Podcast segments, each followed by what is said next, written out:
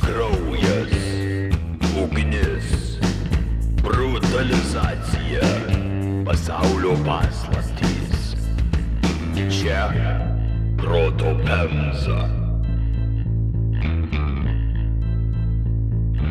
1911. Liepos 22 diena, 3 val. ryto. Kyivo apylinkės tuometinės Rusijos imperijos sudėtyje. Sauleliai dar tik tai ruošiasi spiegdama parkūro ritmu šokti iš savo gulto ir pagėžingai juoktis tiesiai į veidą, sumaniusiems ilgiau pasnausti tą šiltą vasaro šeštadienį. Tačiau dabar daugelis ilsisi.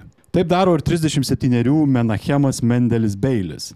Kažkada grįžęs iš karinės tarnybos imperinėje kariuomenėje, jis kartu su savo šeima įsikūrė Mežhirijos vietovėje netoli Kyjivo. Ji vos po amžiaus pagarsės kaip prezidentinių auksinių tualetų ir auksinių batono formos popieriaus laikiklių saugykla. Bet dabar Kaip ir jo kaimynai, čia gyvena Mendelis su savo žmona ir penkiais vaikais. Šeimos vyras jau 15 metų dirba Kyjive, su pusbrolio pagalba gavęs vadybininko darbą tuo metu cukraus magnatui Zaicevui, priklausančiame plytų fabrike Lukjanikos rajone. Beilis su niekuo nesipyko. Vienu metu jis net įtikino fabriko atstovus parduoti plytas pigiau nei savikaina tam, kad būtų pastatyta bažnyčios mokykla. Po to, kai vienas krikščionis, valdantis kitą gamyklą, atsisakė nuleisti savo kainas. Vėliau Beilis su suderino ir kad vietinė stačiatikių bažnyčia galėtų judėti per fabriko teritoriją laidotuvių procesijų metu, taip stipriai sutrumpinant jų laiką. Tačiau tą lemtingą, itin ankstyvą rytą Mendelį iš miegų pabudino baisus beldimas. Iš pradžių pasimetęs, jis greitai suprato jo kilmę. Į Beilio namus įsiveržė 15 žandarų. Jų visų jėgos prireikė suimti pačiam Mendeliui ir jo devyniarių metų sūnui. Sūnus buvo paleistas po poros dienų, tačiau jo tėvas net nenutuokė apie jo laukiančią 28 mėnesius truksiančią odisėją, kupiną šmeišto, įtampos ir nežinios. Ji pakeis ne tik jo gyvenimą, tačiau ir visos Rusijos imperijos veidą civilizuoto pasaulio akise. Jūsų galvose ir vėl skamba galimai blaivių vapesių choras Proto Pemza. Kaip visada, iš antrosios Lukiškių kalėjimo versijos užkaborių jums it sabonis darydamas sabonį istoriją savo esybę emanuoja Tomas. Ahoj, ahoj. Aštriai faktais tikrovę, kaip Paulius Jankūnas priešininkų savo alkūnėmis raižo Vilius. Oho. Ar žinojo, kad mūsų vietinė galaktikų grupė egzistuoja vienoje didžiausių tuštumų Void visatoje? Realiai mes gyvenam visatos kaime. Tai mes Space Rednecks. In a way. Mūsų dangus dėl to tamsesnis yra. O, didn't. Rimtai? Jo. Mes negavom to geresnio dango. Viliojančių iki avarinio Roberto Jeftoko grakštumu vokaluoja Povilas. Labas. Tiesiog motociklo garsai. Bei neiškiomis kaip Roberto Štelmacherio plaukų linija frazėmis balbatuodamas jūs sveikina aš, Aivaras. Labas, Aivar. Labas. Tai ką ten pasakai pradžiai? Ar tu, ar tu skaitėjai pirmadienio postą? Pažiūrėsim. Šiandien kalbėsime apie rezonansinę geriausių tautų Respublikos teritorijoje nuaidėjusią 20-ojo amžiaus pradžios istoriją prilykstančią garsiajam Alberto Dreyfuso teismui Prancūzijoje ar Leo Franko linčui Junktinėse Amerikos valstijose. Tie, kas pagavo, pagavo, o tie, kas ne, išsiskaičiu. He's doing it! He's doing it! Kalbėsime apie šiandien ir vėl savo šlykštų šešėlį visuomenėse metančią antisemitizmo šmėklą. Mendelio Beilio istorija išryškina šitos zarazos šaknis, virsmus ir net šio laikinės apraiškas. Kartu tai yra istorija apie tai, kokią įtaką gali turėti iš pirmo žvilgsnio juokingai atrodantys radikalai užčiuopę bendruomeninių prietarų pulsą. Tad perspėjame tuos, kurie komentaruose sugalvos pabūti dalbajobais, a.k.a. pažemai teitauti. Bjaurystės jokių būdų nebus toleruojamos. Nice.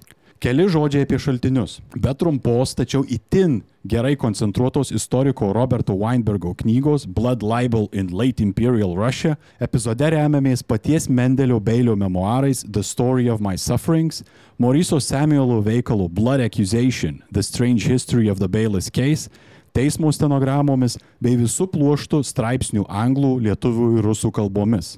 Kas čia po velnių atsitiko epizodo įžangoje? Ačiū, kad paklausėte. O, jo, Gerai. laukiau. Kodėl nebuvo jokio juokelio apie reaugėjimą ir kitas kūno išskyras? Pabandykime atsekti ryšį tarp Beilio ir tokio dramatiško jo suėmimo. Ryšį sakai? Polai mes dar neatsigavom nuo praėjusios Teledu reklamos pasiūlyto heko. Antie gerai buvo. Nu duok žmogui šnekėt, man jau dopamino trūksta, man da vienos injekcijos. Tai žinok, Teledu šiandien it tyčia apie laimės hormonų gamybą. Ir ne tik. Gi kalėdos artėja. Nu, davai, šaudyk. Pala, pala, bet gal prieš tai pasikalbam, kas yra laimė. Blemo, Aivarai, dar ir tu pradėjai dabar. Betgi, taigi normalus klausimas. Man tai labai smagu laimingus artimųjų veidus, pavyzdžiui, matyti. Žinotgi mane. Šeimos žmogus. Nu, aš taip, pažiūrėjau, dovanų mėgstu gauti, ale, Mhm. nu, pabūt su artimais be jokio streso. O žinot, kas man yra laimė? Negaišt laiko su reklamom ir laiku pabaigti įrašinėti epizodą. Kad galėčiau grįžti pabūti su savo šeima. O. Ponai, klausykit. Teledu šiemet sako, kad laimė kalėdų metu yra surasti pačią svarbiausią dovaną. Buvimas kartu yra svarbiausia dovana, bet Teledu šiemet kaip tyčia dar turi ir visą krūvą pasiūlymų. Nuo modernių dovanų artimiesiems iki visokių fainų dalykėlių ant magaryčių. Net tu vėliau rasi, kaip laikas sekti smagiau. Mažu naują išmanų laikroduką? Tai mažam konkrečiau gali? Greitai mauk į teledu.lt slash akcijos ir išsirink visoje krūvoje puikių kalėdinių pasiūlymų. Laimės rasi ne tik savo, bet ir saviškiams. Tik nepamiršk pačios svarbiausios dovanos - laimės leisti laiką kartu su šeima ir artimaisiais. Teledu - laimė surasti pačią svarbiausią dovaną. Mums pirmiausia reikėtų persikelti į 1911 m. kovo 20 d. Ta sekmadienio rytą Lukjanevkos rajonas Kyjive aidėjo žaidžiančių vaikų klegėsių. Pedofilas!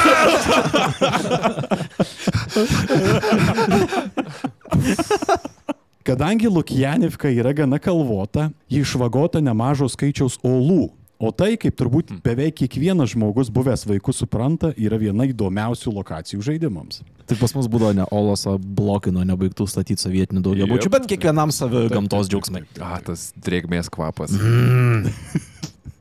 Tačiau šį sekmadienį čiauškėsi vienu metu turėjau pakeisti riksmas. Pedofilas! Ne, ne. Į vieną olą užklydusi vaikų grupė aptiko širpų radinį. Toje oloje sėdėjimo pozoje prie sienos priremtas berniukas. Ant jo viršutinės kūno dalies krūvini lininiai marškiniai. Žemiau apatiniai aptaškyti krauju. Ant vienos kojų krauju permirkusi koinė. Rankos surištos už nugaros. Visas aplipęs molinga olos žemė ir sausais lapais. Aplink kūną mėtėsi iškruvinta kepurė, švarkas, diržas ir kita koinė. Kelniais ir paltas dingė nežinia kur, tačiau aplinkui primėtyta lavonui priklausiusių knygų ir sasiuvinių, taip pat krūvinų. Kraujas visur minimas neveltui. Berniuko galvą, kaklą ir torsą vagojo apie 50 durtinių žaizdų padarytų įla. Kai kurie dūriai atlikti su tokia jėga, kad buvo perdurti plaučiai, širdis ir rimtai pažeista kaukolė. Subadytas taip, kad jame praktiškai nebuvo likę kraujo. Iš aplinkui besimėtančių sąsiuvinių paaiškėjo, kad auka 13-metis Andrėjus Juščinskis, apie kurio dingimą motina buvo pranešusi policijai dar prieš savaitę. Įvairūs liudininkai berniuką paskutinį kartą apylinkėse matė kovo 12 dieną. Tada Andrėjus nusprendė pabėgti iš šeštadienio mokyklos pamokų ir aplankyti savo draugą Ženę Čebereką, gyvenusi tame olėtame Kyjivo rajone. Ženė čia burėkas. Išeisi pats. Detalės apie žmogžudystę iškart pasklido tarp gyventojų, kurie pradėjo kelti įvairias versijas. O caro statytinė iš Maskvos tyrimui iškart paskyrė tokį detektyvą Jevgenijų Miščiuką. Miščiukas, kaip tikras modernus tyrėjas, savo žvitrę akį pirmiausiai nukreipė į paties Andrėjaus šeimą. Berniukas augo su savo motina ir patėviu. Sklido gandai, kad buvo fiziškai skriaudžiamas. Netgi stengdavosi daugiau laiko leisti pas savo tetą, kuri finansavo jo mokymasi. Šiaip iš visų uh, serijinių žudikų arba šiaip žmogžudysčių istorijų, tokio lygio sužalojimai yra labai asmeniški. Taip. Tuo metu dar net nebuvo kažkokių tai tokių gerai išvystytų žmogžudystės ar serijinės žmogžudystės teorijų, mhm. bet vat šitas tyrėjas, jis iškart jo pirmas žvilgsnis iškart nukrypo į šeimą. Mhm. Kas, nu, irgi parodo turbūt, kad nebuvo iškelmos pirtas. Matęs ne, ne, ne vieną ar ne du tokius atvejus buvo. Šalia šito buvo paleista antis, kad tuo metu jau miręs biologinis Andrėjaus tėvas berniukui buvo palikęs nemažai pinigų. Motyvas. Motyvas. Mhm. Turėdama šią informaciją, policija laiko negaišo. Suėmė vaisių ir daržovių prekybą bei namų valymų užsiminėjusi Andrėjaus motina, patėvį ir net Andrėjaus senelę. Tačiau paaiškėjo, kad pirma, jokio palikimo nėra. Antra, kad visi trys asmenys turi itin tvirtą alibi. Po poros savaičių visas trijo buvo jau laisvėje. Bet miščiukas ginklų nesudėjo ir rado dar sultingesnį taikinį. Juo tapo Andrėjaus draugo Ženiaus motina Vera Čeberek. Vėliau, raminkis, viskas bus gerai. Atsiprašau. Čia burėkienė. Pasirodo, ši moteris buvo apylinkėse gerai žinoma kaip smulkių vagiliautojų gaujos vadeiva, veikusi su dar trimis vyrais ir pardavinėjusi voktus daiktus iš savo būtų. A, tai berniukas galėjo būti dalis to vagiliukų Klano. klano, ring. Bet tai eina šik iš karto yra tokie characters, tokie Taip. veikėjai taip, kažkokie. Mizent scena iš karto yra pastatomas. Ir tuo pačiu kyla klausimas, o tai kaip mirė tas biologinis tėvas? Tai neradau informacijos. Bet įdomu. galim Tikriausiai niekas nerado ir tuo metu Jo, apie... jo, labai gali būti. Ir kaip tyčia tuo metu Kijevą kankino visa virtinė plėšimų. Vos porą dienų iki Andrėjaus dingimo policija netgi kratė čia berek namus, tačiau nieko nerado. Sveiki. Bet įvykiai čia buvo sugalvoję pasisukti kitą linkmę. Nepaisant logiško miščiuko darbo, 1911 m. gegužę caro ministerijos paskirtas Kyivo prokuroras Georgijus Čaplinskis staiga nušalino Jevgenijų miščiuką nuo tyrimo, kaltindamas jį įkalčių klastojimu bei trukdymu teisingumui. Miščiukas detektyvo plošių iškeitė į tris mėnesius kalėjimo. Kur galvoju, paaukštinimą gausi? Jo. Į priešingą pusę. Myščiukas. Suže. Miščiuko pamaina tapo detektyvas Nikolajus Krasovskis. Jis turėjo tokią gerą reputaciją, kad buvo įgavęs Rusijos Sherlocko Holmeso pravardę. O die, okay. Taip. Lūkesčiai itin dideli. Krasovskis perėmė Miščiuko darbus ten, kur jie ir buvo palikti. Jis grįžo prie Veros Čeberek. Atliko dar vieną kratą jos namuose. Vėl nieko nerado. Tačiau apklausos metu pagavo Verą ir Ženę, tą sūnų, meluojant. Abu puolė teikti, kad Andrėjus Juščinskis pas juos kovo 12 nesilankė. Pagal jau turimą informaciją tai buvo toks atviras melas, kad Čeberekams jau labai greitai teko atsižadėti. Krasovskiui tai buvo ženklas dar labiau užraityti savo įtarumo ūsus. 1911 m. Liepą jis suėmė Verą Čeberek kartu su tais trimis vyrais, kurie atseit buvo jos gaujoj. Mhm. Po šito suėmimo jis suintensyvino įkalčių rinkimą. Pateiktas ir pirmasis galimas žmogžudystės scenarius. Pasak Krasovskio, kovo 12 dienos rytą Vera ir jos gauja buvo namuose, kuomet iš lauko, kur žaidė su Andrėjumi, parbėgo Ženė. Jis pasakė, kad Andrėjus, su kuriuo jis ginčijosi dėl dviejų lasdų naudojimo žaidime, pagrasino pranešti policijai apie jo mamos gaujos veiklą. Bad move. Kadangi neseniai čia berek namai kaip tyčia buvo iškratyti, gauja pradėjo galvoti, kad būtent Andrėjus juos ir įskundė. Buvo nuspręsta berniuką eliminuoti. Kai Andrėjus atėjo į čia berek namus susirinkti savo prie žaidimą paliktų knygų ir sasiuvinių, gauja jį pagavo, surišo ir subadė. Atrodo, kad jį kankino prieš mirtį. Jis buvo surištas. Tai atrodo, jeigu tokia gaujos vadė norėtų atsikratyti liudininko, tai padarytų tą kažkaip efektyviai, greitai. Jos mažiau tokių akivaizdžių dėmių, ne? Kaip, Profesionaliau. jo, tai akmuo upė. Ar, nu, nevardinsim čia būdų, bet ne, nepalikt oloj viso krūvino.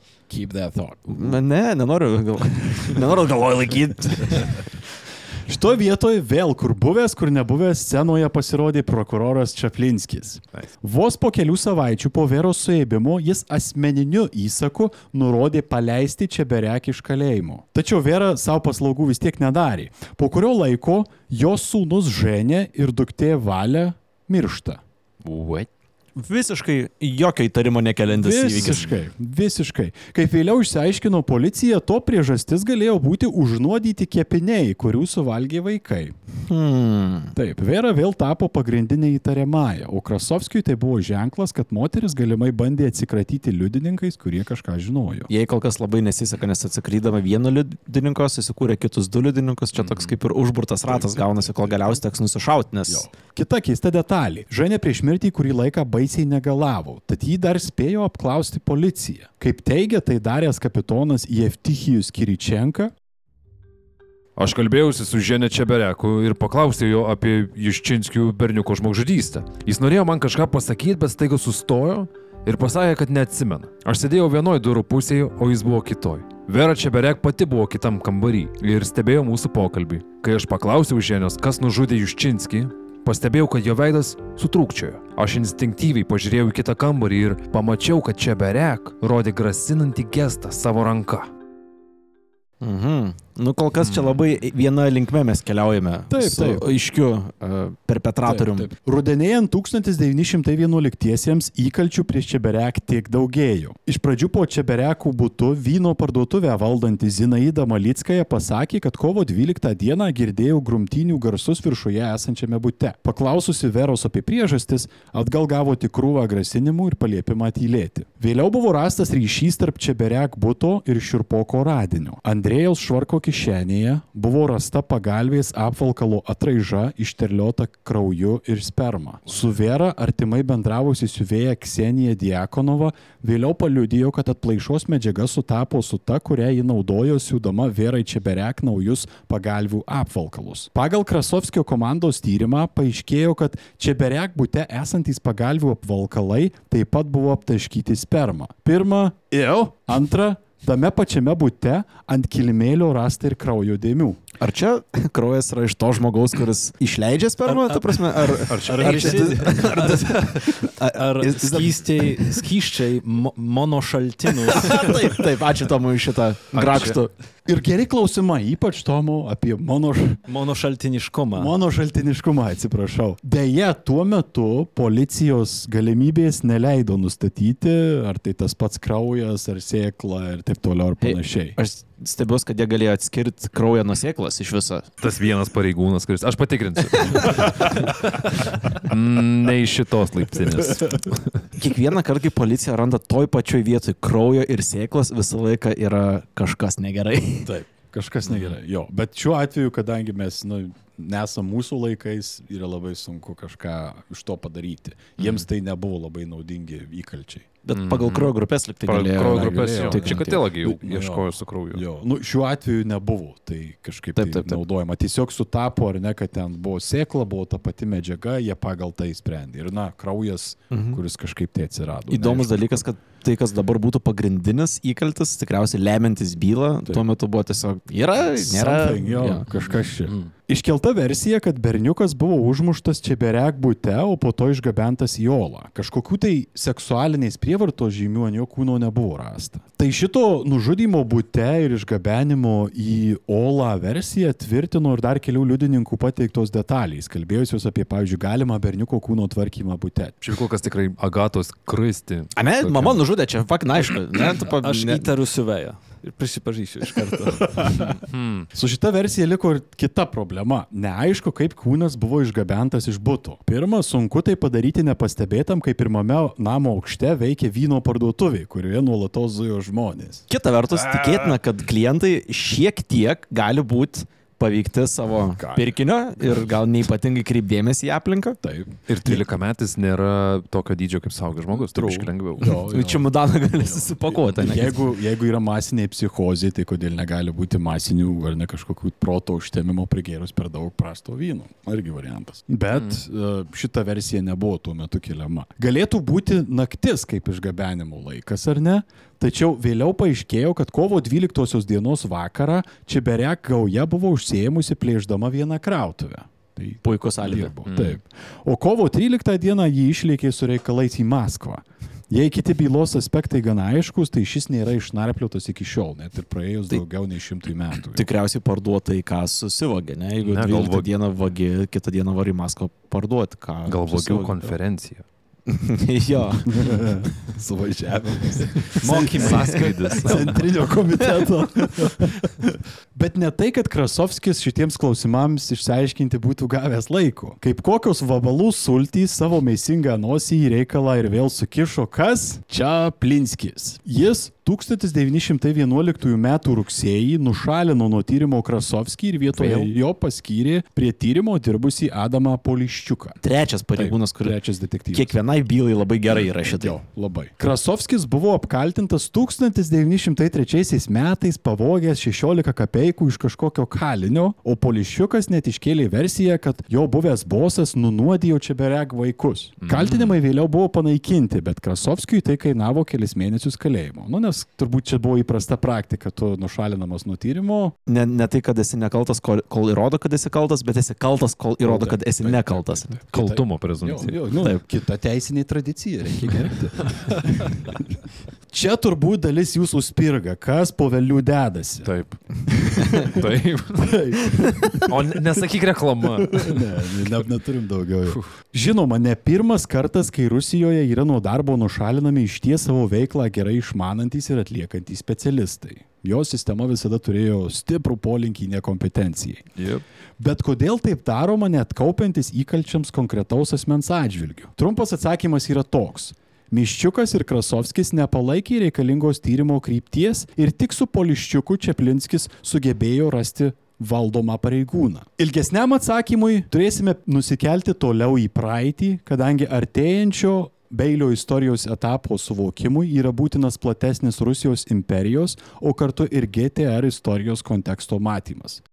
Viduramžiais, o konkrečiai Anglijoje 12 amžiaus eigoje pradėjo sklisti toks bjaurus mitas. Vietiniai pradėjo skleisti pasakas, kad žydai atseit žudo krikščionių vaikus tam, kad kaip tikri Kristaus žudikai paniekintų pastarojo kančią. Istorija kaip koks Ivermektinas per COVID pasigavo ir išplito 13 amžiuje visoje Europoje. Kalbėta, kad pačiuose judaizmo priesakuose yra užkoduotas reikalavimas žudyti krikščionis, nes jų kraujas reikalingas apipjaustimo ir vestuvių apieigoms, bei žinoma garsiojo maco arba Velykinio paplotėlio kepimui. Tai čia yra 12 amžiaus kūrinys. Mes galim, 12-13, taip. galim, galim aiškiai nurodyti momentą, kada istoriniuose šaltiniuose atsiranda Taip. Taip. šitas, e, kaip čia pavadyti, e, šmeištas. Taip. Nes atsiranda, nu, į šalia šitų mitų įtarinėjimai ritualinėmis žmogžudystėmis automatiškai. Mhm. Ir visi šie kaltinimai vėliau istorikų tarpe įgauna kraujo šmeišto žydų atžvilgių pavadinimą. Įdomu ir tai, kad kraujo šmeišto teorijos sustiprėjo po 1215 metais įvykusio Lateranų ketvirtojo susirinkimo, kurį inicijavo popiežius Inocentas III. Čia ta tokia brandžioji popiežystė su Taip. visais e, orgijom Vatikane, su e, nepotizmu, Taip, jo, taip, taip, ta, tai yra mafijos struktūra iš esmės tais laikais. Jo, daro, ką nori. Tai šitame susirinkime, kaip pasakoja Weinbergas, buvo įtvirtinta vadinamoji transubstanciacijos doktrina apieigoms. Transubstanciacija iš esmės yra vyno ir paplotėlio sulyginimas su Kristaus kūnu ir krauju. Tik tada atsirado šitas Aš nesu tikras, ar tik tada atsirado. Kaip raš- tai. Kaip prašo Weinbergas, buvo labiau, kad tai buvo įtvirtinta kaip tokia plati politika apie įgų laiką. Ai, tai gali būti, kad tuo metu daly, nežinau, parapijų tai buvo, daly nebuvo, Taip, tai čia taip, tiesiog įnormina šitai, Jo, kaip nuo dabar jau visur. taip Jo, kažkas į tą pusę. Čia, jei gerai gaudausi bažnyčios istorijoje iš tam kontekste, tai man atrodo vos prieš šimtą ar du šimtus metų bažnyčioj įsitvirtino tas, kad vakarų bažnyčioj komunijai negalima buvo naudot duonos. Bet čia, anot kai kurių mąstytojų, yra susijęs su ta psichodelinių substancijų iš tikrųjų naudojimu Mhm. komunijos metu bažnyčioj. Nes buvo jo, ten pagedę grūdai, kuriuose atsirasdavo ta medžiaga. E, Lizergo, jo. Jo, rūšis. Ir- rūgštis, jo. Ir bažnyčia šiais laikais sako, kad nežino, kaip pritraukti Jo, jaunus žmonės. Markės Žino, žino. per mišes. Dėjo. Wow. Bliam, ostija su krybais. Įsivaizduoji? Nu, ten įdomi pasakoja. Jeigu būtų ostijos su ratais, eitume. Tikrai kiekvieną šeštadienį eičiau. Oi. penktadienį. Paleidžia hard techno, žinai. O Pamokslus ant viršaus tiesiog krauna. Pamokslo būtų kaip dropas, žinai. Jo. And then he spoke. būtų kiečiausias mišios ever. Taip, eitų. Praise the Lord. Tai šitas pakeitimas nebuvo priimtas lengvai. Kaip ir šiandien turime wannabe youtuberių, kurie putojasi reikdami, kad 21-ame amžiuje reikia grįžti prie mišių laikymo lotynų kalba. Atrodo, kad prak- konkretų žmogų Aš žinau, apie ką jūs kalbate. Taip ir tuo metu naujos praktikos patiko ne visiems. Oponentų akimis tai buvo ritualistinis kanibalizmas. Su tuo susigyventi buvo susikurtas psichologinės gynybos mechanizmas. Istorikas Helmutas Smithas. Esminis čia yra psichologinis projekcijos procesas, kuriuo paprasčiausiai teigiama, kad vienas asmo priskiria kitam tai, ką pats iš tiesų masto ir daro. Šis specifinis psichologinės gynybos mechanizmas yra ypatingai pajėgus, kai asmo galvoja ir elgesi gėdingai savo pačiam ir savo bendruomeniai. Remiantis tokia mąstymo logika, ritualas, kuriame Kristaus kūnas ir kraujas yra vartojamas kaip maistas ir aukojamas Dievui, yra kažkuo sukrečiantis. Šis šokiruojantis elementas buvo perkeltas ant žydų. Jeigu suprantu, krikščionis jautėsi vos nekalti dėl to, kad Taip. Kristaus kūną ir kraują valgo kiekvieną mielą dinelę ir pagalvoja, kad uh, žydai blogi. Perkeli tą Okay. kalbą visą ant jų. Bent jau čia va, tokie kaip, istorikai kaip Smithas būtent. Mhm. apie kalbą. Bandau įsivaizduoti tą e, loginę jungtį, kad mes bent jau netikrą kraują naudojam, o va tie. Taip. Tai Ir dėl to mes iš ten- geresni. Jo, esam. labiau iš ten kažkuria prasme atėjo ir mūsų religija, ir vat jie tai ten vat ir pradėjo visą šitą baisų dalyką daryti. Ilgainiui tai tapo tokia problema, kad dvasininkams ir net tuo metu popiežiui dar 13 amžiuje teko skelbti viešus kraujo šmeišto teorijų paneigimus. Tai rodo, kad kovoti su tarpe žmonių esančiais prietarais toli gražu nebuvo lengva. Mhm. Ir iš ties, tuo metu užtekdavo tiesiog to, kad koks nors vaikas dingtų Velykų laikotarpiu tam, kad krikščionių tarpe prasidėtų isterija dėl ritualinių žmogžudyščių. O jei nedaug die atsirasdavo vaiko kūnas su mėlynėmis ir kankinimų žymėmis, žydai būdavo ostrakizuojami, areštuojami, kankinami ir net žudomi vietinės valdžios. Mane visiškai šokiruoja tas faktas, kad apie poreikį vaikams saugotis per Velykas, kad nepagrobtų žydai, aš esu girdėjęs vaikystėje dar mhm. iš e, giminių savo, nors jų nei žydų Lietuvoje nebėra daug Jo. laiko, bet tai išgyvena ne tik Taip. 700 metų, bet ir holokaustą, bet vis tiek mitas liko. taip. žinai. Wow. Va, konkrečiai per Velykas? Jo, kad būtent per Velykas e, tada ale Macas. labiau reikia to. Jo, Taip. macas, nes Fuck. reikia macą kepti. Toks... Wow, tokį gavimą, ta prasme, ploju tam žmogui, kuris vien už ilgamžiškumą. Įsivaizduok, jeigu tu paskleisi kažkokią paskalą ar, ar, ar pabandai, nežinau, institucionalizuoti kažkokį mitą ir jis taip gerai išsilaiko, kad išgyvena 700. Memas. Tikras memas. Tikras memas, Jo. Vienas garsesnių pavyzdžių - 1457 metais Trente, dabartinėje Italijoje, užfiksuotas atvejis, kuomet dėl tariamo dviejų metų vaiko nužudymo buvo suimti 18 žydų. Jie pagal geriausias to meto tradicijas buvo kankinami, šį kartą liūdnai pagarsėjusių strapado metodu. Ar galėtum gal detalizuoti šiek tiek, Aivarį, ką tu Taip. omeny? Ačiū, kad paklausai.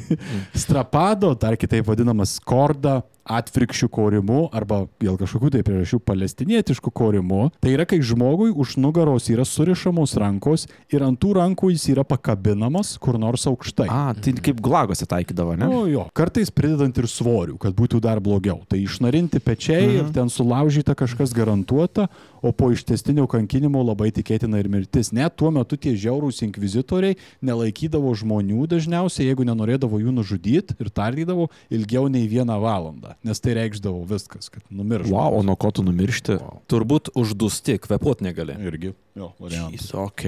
Isterija kai kuriuose vietovėse apmalšo 16 amžiuje iškilus liuteronizmui, neįgusiam transubstanciaciją kaip doktriną, o taip pat ir atsiradus didesniam skaičiui actually hebrajiškai galinčių skaityti mokslininkų. Tačiau ten, kur liuteronai neprigijo, buvo sudėtingiau. Vienu tokių regionų, žinot, kur lenkiu, buvo mūsų numylėtosios geriausių tautų Respublikos teritorija kurioje ilgą laiką gyveno didžioji dalis Europos žydų. Istorikė Magda Teter rašo, kad į GTR kraujo šmeišto prietarai atėjo 16 amžiuje ir plačiu mastu ten išliko bent iki 18 amžiaus. Štai Lenkijoje, pavyzdžiui, Sandomiež miesto katedra ilgai puikavosi, o gal dar ir dabar puikuojasi, nespėjau patikrinti, 18 amžiaus tapyba su ritualiniais žmogžudystės vaizdais. Pasidalinsim šitą nuotrauką savo socialinėse medijose. O- Wow, labai sunku įsivaizduoti, kad tai buvo toks gajus mit. Man įdomu, ar patys klergija patys tikėjo tuo visiškai, ar tiesiog buvo linkęs kleisti šitą mitą, ar suaugę kartu Buvo- šitie du dalykai buvo. Manau, kad buvo visokiausių tiesiog žmonių ir buvo pasitaikę vat, vyskupų ar kažkokių tai kitų dvasininkų, kurie šitą, bet kaimuose ar kažkur Mhm. jie palaikė šitą mitą. Man tokiais atvejais rodo, kaip toli, nepaisant, kad arti gyvena dvi skirtingos grupės žmonių, tarkim, lenkai ir žydai, lietuviai ir žydai ir panašiai, nepaisant, kad gyveni už mažiau nei kilometro, taip stipriai vienas kito nepažįsti, kad gali įsivaizduoti, kad ta kita grupė žmonių geria vaikų kraują per savo šventes ir tikėtuo kaip visiškai normaliu dalyku. Man ir įdomu toks antro lygio efektas, kad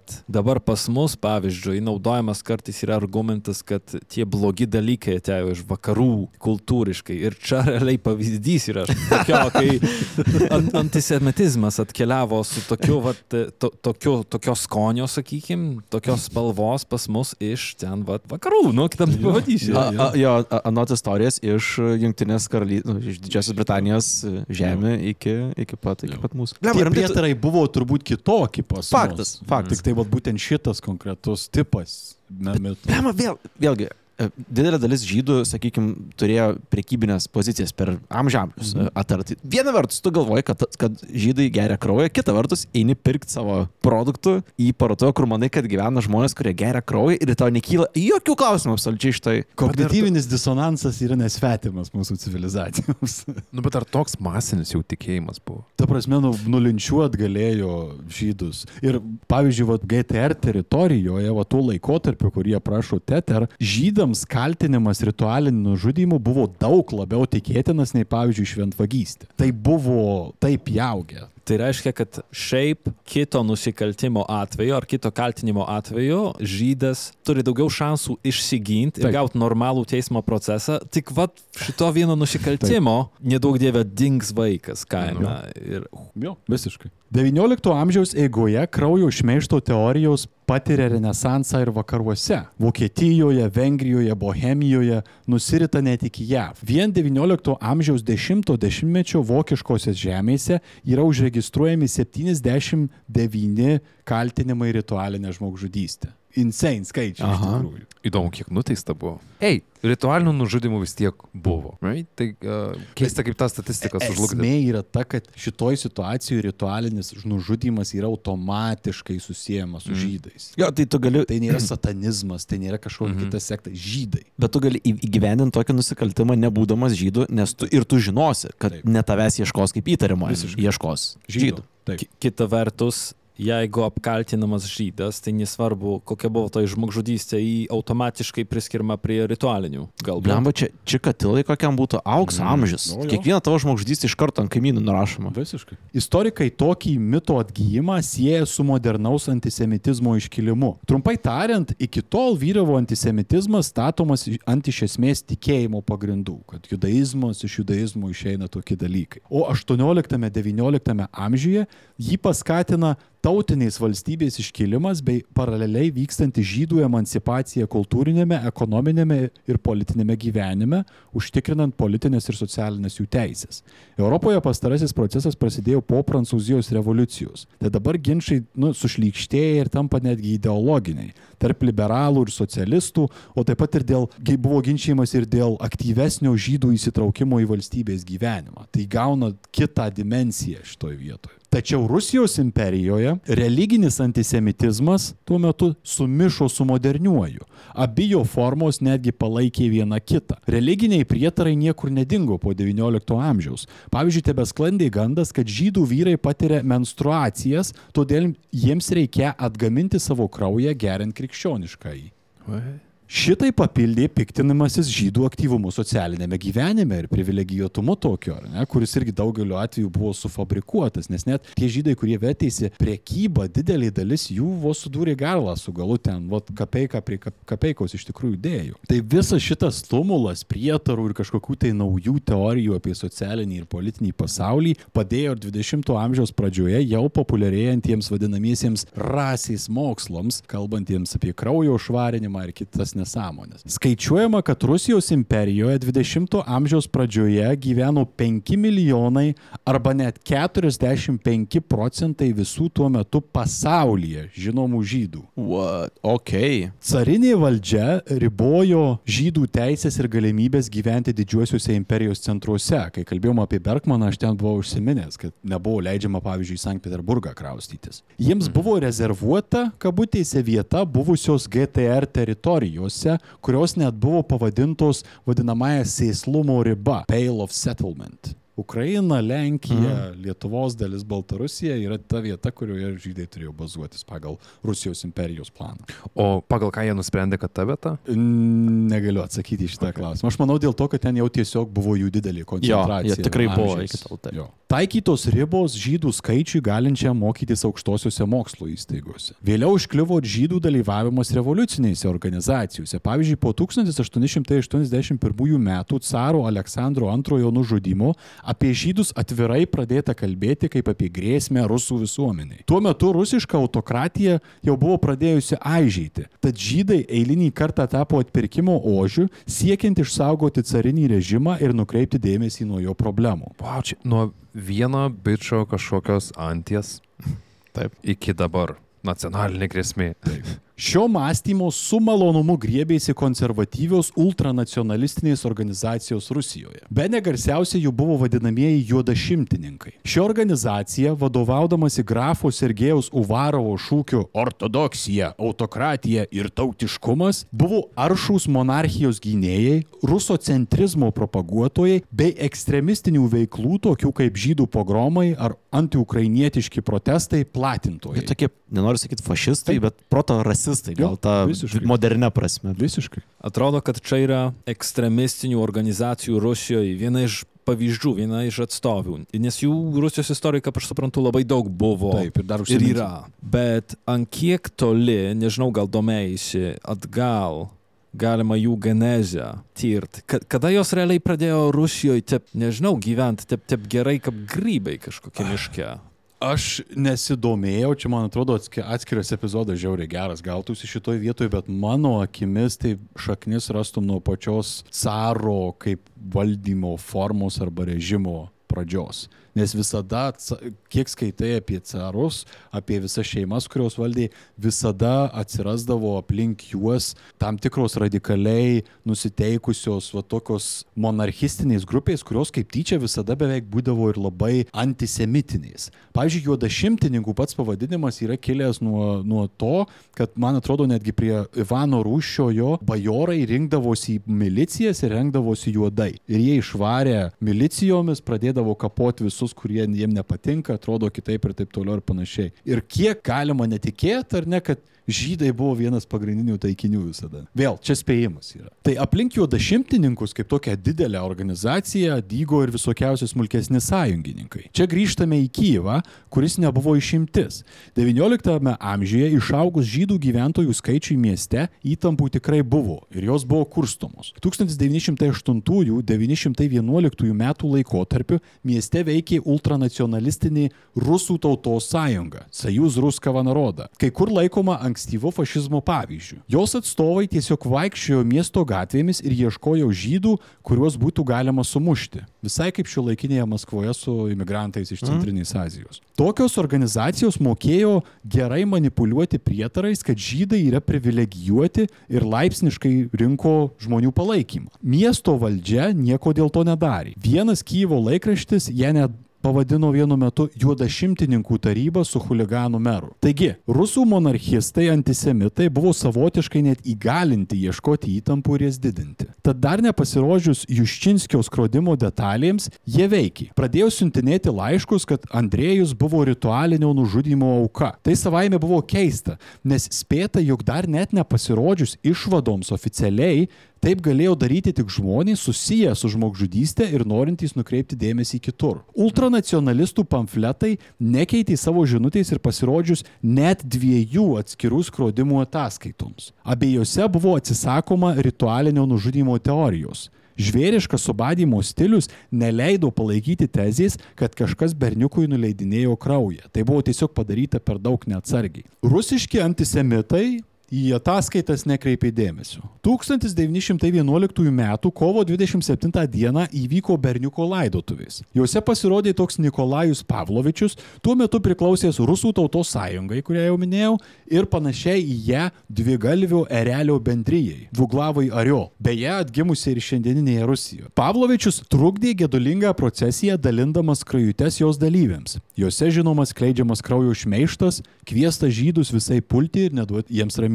Kadangi nužudymas buvo rezonansinis, apie šias teorijas išgirdo ir garsesnį balsą turintys juodašimtininkai. Savo leidiniuose gazdinę, kad caro priešai dirba su žydais tam, kad uždusintų ir nukreiptų policijos tyrimą. Valstybės dūmoje prasidėjo antisemitinių politinių veikėjų vedamos interpeliacijos ministrams. Šitos bylos pagrindu. Jo, tokios visokios radikalios grupuotės, kurios galbūt iš pirmo žvilgsnio neturi to sprendimo galios, jos pradeda labai aktyviai. Man rodos, jų tas sprendimo gali ir pasireiškia to, kad politikai pradeda bijoti jų veiksmo, jeigu jie nesijims na, palaikyti šitos antisemitinės teorijos. Nuostabus kažkokios. pastebėjimas vėliau. Kartu ir kaip uh, detrimentaliai veikia iš vis vien jau spėjimas, kad taip galėjo būti, nes tada nuvilnyja per žmonės tą nuomonę ir tik sustiprina tą tokį antisemitišką požiūrį. Tai kad ir bus įrodyta, kad taip nebuvo, bet jau sėkla kaip ir pasėta. Čia tas įvermektino pavyzdys, tai puikiai tinka ši, šitam atveju. Tai šitų interpeliacijų metu buvo plėtojami mitai apie kraujo nuleidinėjimą bei žydiškas sektas. Šalia šito paaiškėjo, kad juodašimtininkai galėjo turėti konkretų motyvą. Pasirodo, kad Vera Čeberek buvo būtent jų organizacijos narė. Mm, kaip čia dabar taip sutapo? Mhm, savus reikia ginti. Jų akimis antisemitinės teorijos plėtojimas ne tik išteisins Verą, tačiau ir autokratiją kaip sistemą, bei dar ir patenkins patį carą Nikolajų II, kurio valdžios kėdė jau rimtai braškėjo tuo metu. O, tai mažytis lavonas didžiuliai pergaliai. Jo. Mm. Praktikoje tai reiškia, kad Rusijos imperijos teisingumo ministras Ivanas Ščeglovitovas krovė į kelnes ir išsigandęs antisemitinių pogromų leido plėtoti ritualinio nužudimo versiją Kijeve, apie ką informavo ir prokurorą Georgijų Čaplinskį, kurį jau minėjau kelis kartus. Pala, o kaip, kaip jisai, o čia nėra prieš prieš... Lokalizuoti, man atrodo, tada gali. Nes tik tai aplink Kievą tai tampa problema, bet ne plačiau. Tai realiai Okay, paukoji. mane, Pala, mane pala, tai- tenkina, tai mane čia- tenkina, sakė. Tai čia nėra, kad jis bijo, kad ta banga atsiras ir kad užpradės kažkokį tai efektą domino. Ne, ne, ne, čia va, ten išdegs gabalukas ne? O visos tos kitos sausos malkos jos ne, Jo, nepasigaus. galėjo būti naudojama tokia logika. Istorikas Hansas Riogeris. Caro režimas turėjo tik antisemitizmą ir universalaus blogio savoką, kurią atstovavo žydai kaip jos nešėjai. Tam, kad galėtų suprasti pasaulį, kuris buvo be išsprūstas iš jų kontrolės ir intelektualinio suvokimo. Matomų įkalčių pateikimas, parodantis, kad buvo įvykdyta ritualinė žmogžudystė, tik patvirtintų tokią įvykių versiją, suteiktų jai kūną ir tikrovę. Puikios naujienos juodašimtininkams. Juo labiau, kad Kyjive su Čaplinskiu jau dirbo dvigalvio erelio bendryje. Jos atstovas, toks Vladimiras Galubovas, buvo studentas ir rusų ortodoksų seminarijos dėstytojo sūnus. Tačiau Juščinskio nužudimo tyrimo eigoje tapo judėjimo, teigusio, kad Andrėjus buvo ritualistiškai užmuštas veidu. Kaip visuomenininkas jis gavo prieigą prie riebios Georgijaus Čaplinskio ausies. Kaip pasakoja Weinbergas, jei neįkyrus būtent Golubovo zyzimas, ką žino, ar istorija būtų taip pasisukusi, kaip ji pasisuko galiausiai. Golubovas lindo Čaplinskiui į akis ir pasakojo, kad būtinai reikia ieškoti žydų. Vėliau pridėjo informaciją tariamą, kad reikia ieškoti žydo su barzda vardu Mendelis. Tas žydas atseit elgėsi keistai ir jau kelis kartus grasino vaikams. Daugiausiai laiko jis leidžia Zaicevo plytų fabrike, kuris buvo kaip tyčia per tvorą nuo Čeberek namų. Šiandien yra priežasties teikti, kad būtent pati Vera Čeberek prisidėjo prie šių kabutėse įtariamojo apibūdinimo. Jo, čia skamba kaip e, koks žydas arčiausiai tavęs Taip. buvo. Mendelis už tvoros. Taip. Žmogžudystė, pasak Galubovo, galėjo būti padaryta fabriko rūsių komplekse. Ten nuvykusi policija nieko nerado, nes fabrikas tiesiog neturėjo jokių rūsių. Hmm. Priežastis Čaplinskiui suabejoti gaunamą informaciją - žinoma, jei nebūtų šliužas bijantis dėl savo kėdės. Golubovas it balandis burkavo Čaplinskiui. Ir efektyviai. Jis nuo tyrimo nušalino, kaip minėjau, pirmąjį detektyvą Miščiuką, nepaisant to, kad tas dirbo gerai. 1911 m. rudenį toks pat likimas ištiko ir Krasovskį. Ne tik dėl to, kad Čeberek toliau buvo jo taikinys, bet ir kad jau nuo Liepos mėnesio kalėjime trūnijo caro pareigūnų pasirinktas kaltininkas - Mendelis Beilis. Taip detektyvo poste atsidūrė Adamas Poliščiukas, kuris tuo metu buvo aktyvus Kyjivo ultranacionalistų rateliuose ir palaikė jo dešimtininkus. Dabar žinote, kodėl Mendelis Beilis buvo išverstas iš lovos ir areštuotas. Jo likimas buvo užcementuotas tą pačią 1911 m. Liepą, kuomet iš kažkur atsiradęs apylinkių žibintininkas Kazimiras Šachovskis papasakojo, kad matė Ženę ir Andrėjų, tuos du vaikus, kovo 12 dieną einančių žaisti plytų fabrike ir kad jam abu vaikai skundėsi, jog juos vaikusi kažkoks tai keistas vyras. Mhm. Bet kuriam normaliam tyrėjui Šachovskis nebūtų tinkamas liudininkas. Jis buvo taip prasigėręs, kad dažniausiai jo žmona Juliana turėjo atlikti jo darbą.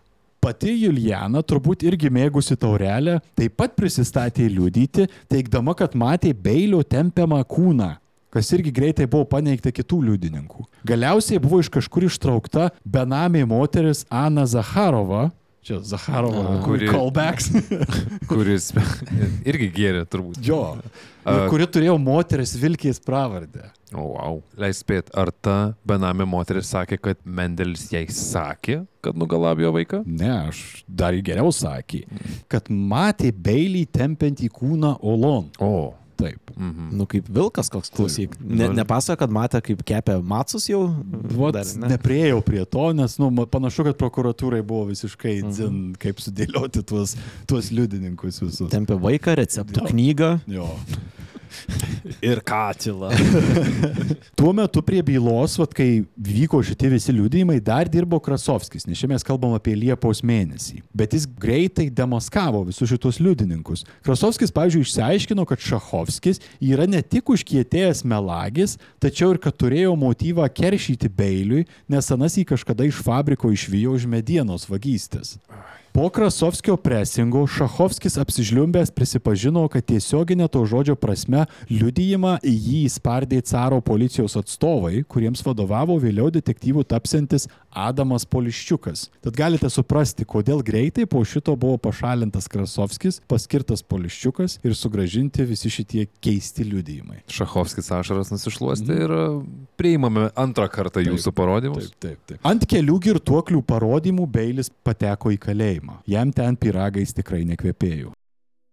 Po kurio laiko pajutau, kad mano kojos tinsta. Jos buvo padengtos votimis. Kadangi ant batų nebuvo padų, vaikščiojimas ant sniego ir ledo man kėlė didžiulės kančias. Skausmas buvo beveik nepakeliamas. Mano oda praplyšo ir pro ją sunkėsi kraujas. Vieną rytą paprašiau, kad atvestų daktarą mane apžiūrėti. Aš buvau agonijoje. Felčeris apžiūrėjo ir pasakė, kad mane reikia perkelti į ligoninę. Tačiau aš negalėjau pajudėti, mano kojos buvo tokios sutinė, kad negalėjau atsistoti. Vienas kalinys, kuris buvo koridoriui, atnešė kelis skudurus ir apviniojo jais mano kelius. Ir tokiu būdu, šliauždamas ant savo kelių per sniegą ir ledą, aš nusivilkau į ligoninę. Laiką Beilis leido vienišoje nežinioje, nes jam nebuvo leista susisiekti nei su giminaičiais, nei su teisininkais. Galima tik įsivaizduoti psichologinę kankinę. 1912 m. sausį buvo prikurpta pakankamai, kad būtų oficialiai pateikti kaltinimai. Žinia apie tai apskriejo visą Rusijos imperiją ir Europą. Rusijai pasipylė kaltinimai tamsumu ir pasidavimu prietarams. Dvasininkai, politikai, švietėjai ir aktyvistai Vokietijoje ir Anglijoje netrašė atsišaukimus pasirašytus ne vienos dešimties veikėjų. Sveiko proto radausi ir Rusijoje, kur žurnalistas Vladimiras Karalienka paskelbė kreipimąsi į rusų publiką, kur antisemitizmą sulygino su krikščionių persekiojimu Romoje. Pastarą jį pasirašė keli šimtai rusų intelektualų. Tačiau carinė sistema nekeitė savo pozicijos. Teigė, kad visi ginantys Beilį yra apdumtomis akimis. Čaplinskiui dabar jau reikėjo kažkaip išvengti ir reputaciniai žalos institucijoms dėl beveik du metus galimai už nieką kalėjime laikomo žmogaus. Karnavalas privalėjo tęstis. Bet su tokiu psichologiniu teroru iš Beilio galbūt nebūtų taip sunku ir prisipažinimą gauti. Buvo tokių bandymų jam kažkokius taip duot pasirašyti prisipažinimus, kad va čia mes tave keliem metam išvešim kažkur į šiaurę, tu grįši ir panašiai. Kad žmonės apsiramintų. Jo, jo, bet uh, kiek teko skaityti, jisai visus kartus atsisakė. Jisai pasakė, kad vienas dalykas, kurio jam reikia, yra sąžiningas teismas. Good luck. Kaip iki dantų skausmo šitas primena 21 amžių, tai ką girdėti iš tos šalies. Mhm. Antisemitai šitą situaciją tiesiog mėgavosi. Savo leidiniuose spausdino bjaurias karikatūras, kurias tikrai galite rasti, mhm. ir kurios keistai primena tai, kas buvo ketvirtojo de mhm. dešimtmečio Vokietijoje. Skatino žmonės saugoti vaikus per artėjančią Paschą. 1913 m. kovo 13 d. viename dvigalvių erelio bendrijos laikraštyje paskelbta nuotrauka su Andrėjaus lavonu. Ją sekė poema Andriušai Iščinskiui kurios ištrauką išvertėme. Perspėjame, malonu klausytis nebus. Jie surinko tavo kraują, į butelius jį supylė ir šventė paschą krauju, rusišku krauju, Andriušos krauju. Daug yra tokių pabaisų, kaip ir vampyrų, tarptų žydpalaikių, vietoj pavyzdžio savo atžaloms, jie pila krikščionių kraują į matsą. Čia išspausinta laikraštė yra toks. Taip, taip, taip. Visai jinai yra ilgesnė, ten dar daugiau visokių pridėta dalykų, bet čia buvo toks kaip jo atminimui, vat, būtent po, po tos. Aš tikiu, tas berniukas taip džiaugiasi, Jo. kad jo atminimui Jo, buvo sukurtas toks kūrinys meno. visiškai. O tai visi, kas bandė deeskaluoti situaciją ir sakyti, kad ne žydų čia kaltė, jie buvo aktyviai tildomi. Nebuvo, kad aktyviai tildomi. Ar jų bet- nebuvo? Buvo. Duot kaip karalienka minėjau, Jo. ten keli šimtai intelektualų pasirašė, tikrai buvo tie, kurie ir sakė, ne, čia nesąmonė, čia yra Taip. viduramžiški dalykai. Bet ar iš to kažkas... Nedaug, nu, nes sistemai reikėjo, vat būtent to nuleidimo kraujo, o tie visi ultranacionalistai, jie baisiai gerai naudojosi būtent prietarais, kurie buvo paprastų žmonių tarpe. Intelektualai šiuo atveju jie buvo per daug atsitraukę ir nutolę nuo tos vadinamosios paprastosios liaudės. Gal yra žinia, ar kažkurie iš tų intelektualų nukentėjo už tai, ar buvo vienas kitas išsiųstas į e, Ne. kokią koloniją? Ne, nemačiau šito. Šiaip stebėtinai su žodžio laisvė buvo labai, vat kaip Jo. vos ne Čia- šiandienos Amerikoje, žinai. Čia kaip Tomas sakė, kad labai primena dabartinę situaciją 21 amžiuje, tai sakyčiau, kad tuo metu gal netgi dar švelnesnė situacija, Jo. nes vat, galėjo kažkas Mm. Jo. kalbėti išreikšinę pasitenkinimą. Taip. Tokioje atmosferoje 1913 m. rugsėjo 25 d. prasidėjo teismas, kuris daugiau nei mėnesiui tapo pagrindinė Rusijos imperijos tema. Apie jį rašė ne tik rusai, tačiau ir žurnalistai iš Anglijos, Europos ir JAV. Kijeve veikė sustiprintas saugumo režimas dėl riaušių ir pogromų pavojaus. Ten buvo uždraustos demonstracijos ir jie berot suėmė vieną studentų demonstraciją iš universiteto, kuri protestavo prieš šitą visą teismą. Tai nukentėjimas buvo, nu toks suėmimas ir taip toliau, ar ne tas tipinis toks. Bet tuo pačiu metu ir buvo, pavyzdžiui, bandoma rankioti visokius antisemitus, mėtančius pamfletus ir taip toliau, nors laikraščiai veikė ir spausdino visą savo mėšlą, kaip ir visada. Ten berots 300 kazokų atvežė ir išbarstė po visas policijos nuovadas, kad jeigu reikėtų veikti, kazokai buvo toks Muscle men. jo specialiųjų pajėgų būrys, jis iš karto reaguotų. Nepaisant šito bandymo kontroliuoti, teismas buvo stebėtinai atviras, kas žvelgiant atgal gal net padėjo na, pasitarnauti ryškinant visą jo absurdą. Pats teismas turėjo atsakyti į du klausimus. Pirma, ar Andrėjus Juščinskis buvo ritualinės žmogžudystės auka? Ir antra, ar Menachemas Mendelis Beilis buvo atsakingas už tai? Sprendimas turėjo būti pasiektas 12 prisiekusiųjų balsais. Prokuratūra darė viską, kad užtikrintų savo sėkmę. Pasėmė kiečiausius kaltintojus, paskyrė savo palankų antisemitą teisėją, kuris net teismo metu bandė viską kreipti tinkamą linkme. Bandyta manipuliuoti ir prisiekusiaisiais, jų nariais, tos visos tarybos, kuri buvo atrinkta teismui, buvo paskirta daugiau nei šiaip buvo įprasta paprastų kaimo žmonių. Taip turbūt tikintis lengviau manipuliuoti jų išsilavinimo stoka teismo salėje ir prietarais įvairiais. Galiausiai pirmasis teismo klausimas dėl ritualinių žmogžudyšių egzistavimo nebuvo nekaltas. Jis reiškia, kad prieš teismą stovi ne tik pats Beilis, bet ir visa žydų bendruomenė. Paruošiamosius darbus prokuratūra tikrai atliko. Tačiau Teismo metu jie pasirodė juokingai silpnai. Visų pirma, suprasdami savo bylos prieš Beilį silpnumą, jie pasirinko įrodinėti, kad Vera Čeberek yra nekalta, nes jos tas šleifas jisai visą laiką tempėsi tyrimo metu. Tai bandė išspręsti klausimą, kuris net užduotas nebuvo, ne? Jo, jo, būtent. Ir vėl klausimas, kaip jos išteisinimas įrodys Beilio kaltę. Jo, jo, jo, Neaišku. būtent. Reikalai dar labiau pagėdo, kai viena moteris pagavo Verą, bandant įtikinti savo kaimynų vaiką liudyti jos naudai, o pats vaikas vėliau atsisakė meluoti jau būdamas teismo salėje. Wow. Vyra irgi ne, ne pats aštriausias peilis stalčiui panašu. Saliai vaikui irgi rodo Jo, jo. ženklus visokius. Dar daugiau, Krasovskis taip pasiuto ant Čaplinskio, kad su dviejų pažįstamų nusikaltėlių revoliucionierių pagalba sugebėjo išpešti vieno Čeberek sėbro žodinį prisipažinimą nužudžius Andrėjų. Ten visa istorija, aš papasakosiu, jisai pažinojo du nusikalstamo pasaulio atstovus, kurie tuo metu buvo revoliucionieriais ir jisai paprašė jų, nu, padėti kažkaip tai bandyti ten pasikalbėti galbūt su tos Čeberek. Sebrais, nu, tipo, išklausinėt, gal jie kažką pasakys. Ir kadangi vienas iš jų buvo žiauriai didelis nusikalstamo pasaulio autoritetas, tai kai jisai tik prieėjo prie vieno iš tų sėbrų, baros pavardė buvo Sangajevskis, tas Sangajevskis, jisai taip apsidžiaugė, kad prie jo atėjo toks šulas nusikalstamo pasaulio ir su juo elgėsi draugiškai, kad jis pradėjo pasakoti apie visus savo pasiekimus. Ir to pokalbio metu jisai tiesiog pasakė, kad jisai nužudė. Tai, nu, per žodį, bet žodinis vis tiek pripa- Tai tas nušantas policininkas kol kas labai sėkmingai Jo, vykdo jis- savo darbą ir artėja link. Jo, jisai, jisai buvo pasiutęs ir jisai nepaleido šito reikalo. Tačiau, nu, tą visą prisipažinimą prokuratūra greitai atmetė išgrūdusi būtent tos Krasovskio du kontaktus į Sibirą, kad ten jie negalėtų liudyti teisme. Bet pati prisipažinimo versija, kaip galimybė, buvo užfiksuota. Tai stenogramos atsirado, reiškia, kad kai kuriuose laikraščiuose atsirado, nes laikraščiai kai kurie spausdino tiesiog stenogramas iš teismo salės kasdien. Pigus kontentas. Jo, ir pačiam rašyti net Jo, nereikia. visiškai. Ir įdomu, visi skaito. Protopams atidžymų.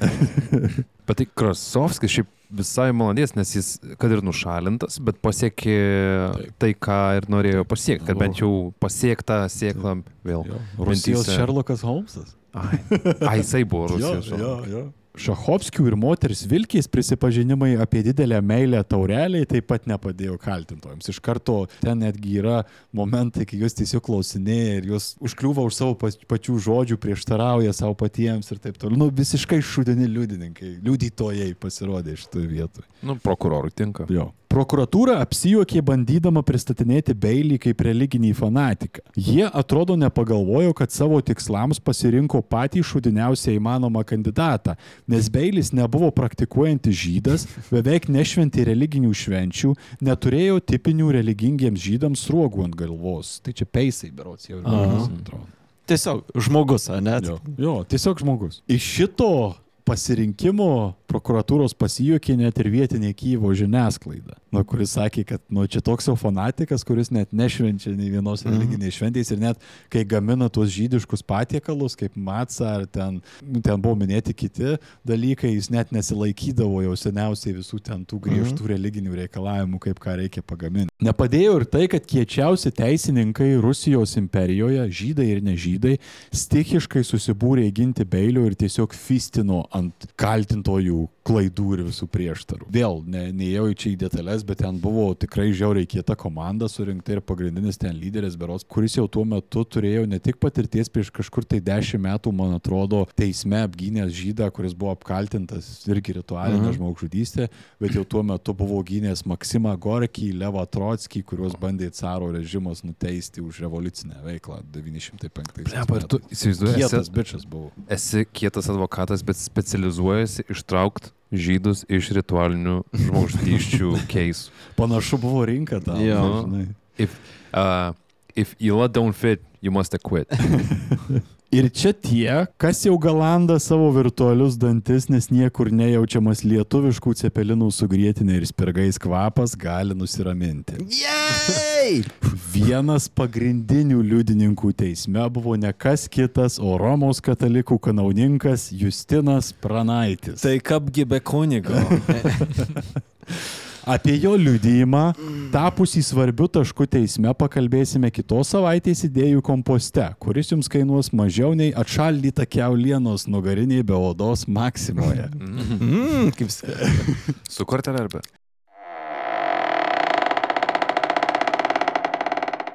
Klausytojai, grįžom į epizodą. Būtinai paklausykite idėjų kompostą. Savaitę atgal. Wow. Are we time traveling? Nepaisant akivaizdžiai sufabrikuoto teismo, sistema darė viską, ką galėjo, kad tik nuteistų Beilį. Paleisdamas prisiekusiuosius, teisėjas Baldyriovas netgi pasistengė pateikti savo nuomonę, kad atseit jo manimų čia viskas aišku ir ritualiniai žmogžudystėje buvo. Spaudimas buvo akivaizdus, kai tau teisėjas pasako, ką tu turi nuspręsti. 1913 m. spalio 29 d. prisiekusieji grįžo su verdiktu. Į pirmąjį klausimą apie ritualinių nužudymų egzistavimą buvo atsakyta teigiamai - septyniais balsais prieš penkis. Kad yra, egzistuoja tokies reiškinys kaip ritualinis. Taip. Okay. Ir kuris, nu, egzistuojanti grėsmė. Į antrąjį klausimą dėl Beilio atsakomybės atsakyta lygiosiomis. Oh. Šeši O, balsai už ir šeši balsai prieš. kas nusprendė parinkti 12 lyginį skaičių, tų prasikeikė tikriausiai. Pratesimas. Šiaip pas, pa, 20 minučių kelinys. auksinis įvartis. Šiaip įdomu tai, kad čia buvo paskutinis minutės sprendimas, nes buvo irgi nuspręsta septyni balsai prieš penkis, kad Beilis atsakingas yra. A, tai persigalvoja į jo, jo naudą. Jo, jo, jo. Sudėtinga situacija, ar ne, lygiosios. Tačiau Beiliui tai reiškia palengvėjimą, kadangi tuo metinėje rusų teisinėje sistemoje toks balsų pasiskirstimas reiškia išteisinimą. Wow. Taip, Beilis pagaliau buvo laisvas. Viena iš tų retų gerų pabaigų, kuomet kalbame apie Rusiją, ar ne? Atrodo. Mm. Ir Pažiūrėkim. kad teisinės sistemos kontekste. Taip, bet dar Taip, pažiūrėkim. Teismo sprendimo dieną vietinis leidinys Kyivska Maisil vedamajam straipsniui davė tokią antraštę. Beilis yra nekaltas. Rusijoje vis dar yra teisingumo. Paprasti žmonės išsaugojo Rusijos garbę. Negalima nesutikti su šita antraštė turbūt, ar ne? Nu, Beilis iš tikrųjų išteisintas laisvas žmogus. Ir paprastų žmonių dėka. Jo. Tačiau poros dienų bėgyje pasirodė ir dvigubo erelio laikraštis, kurio antraštė turėjo savo įvykių versiją. Vienas žydas išteisintas, visi žydpalaikiai yra pripažinti kaltais.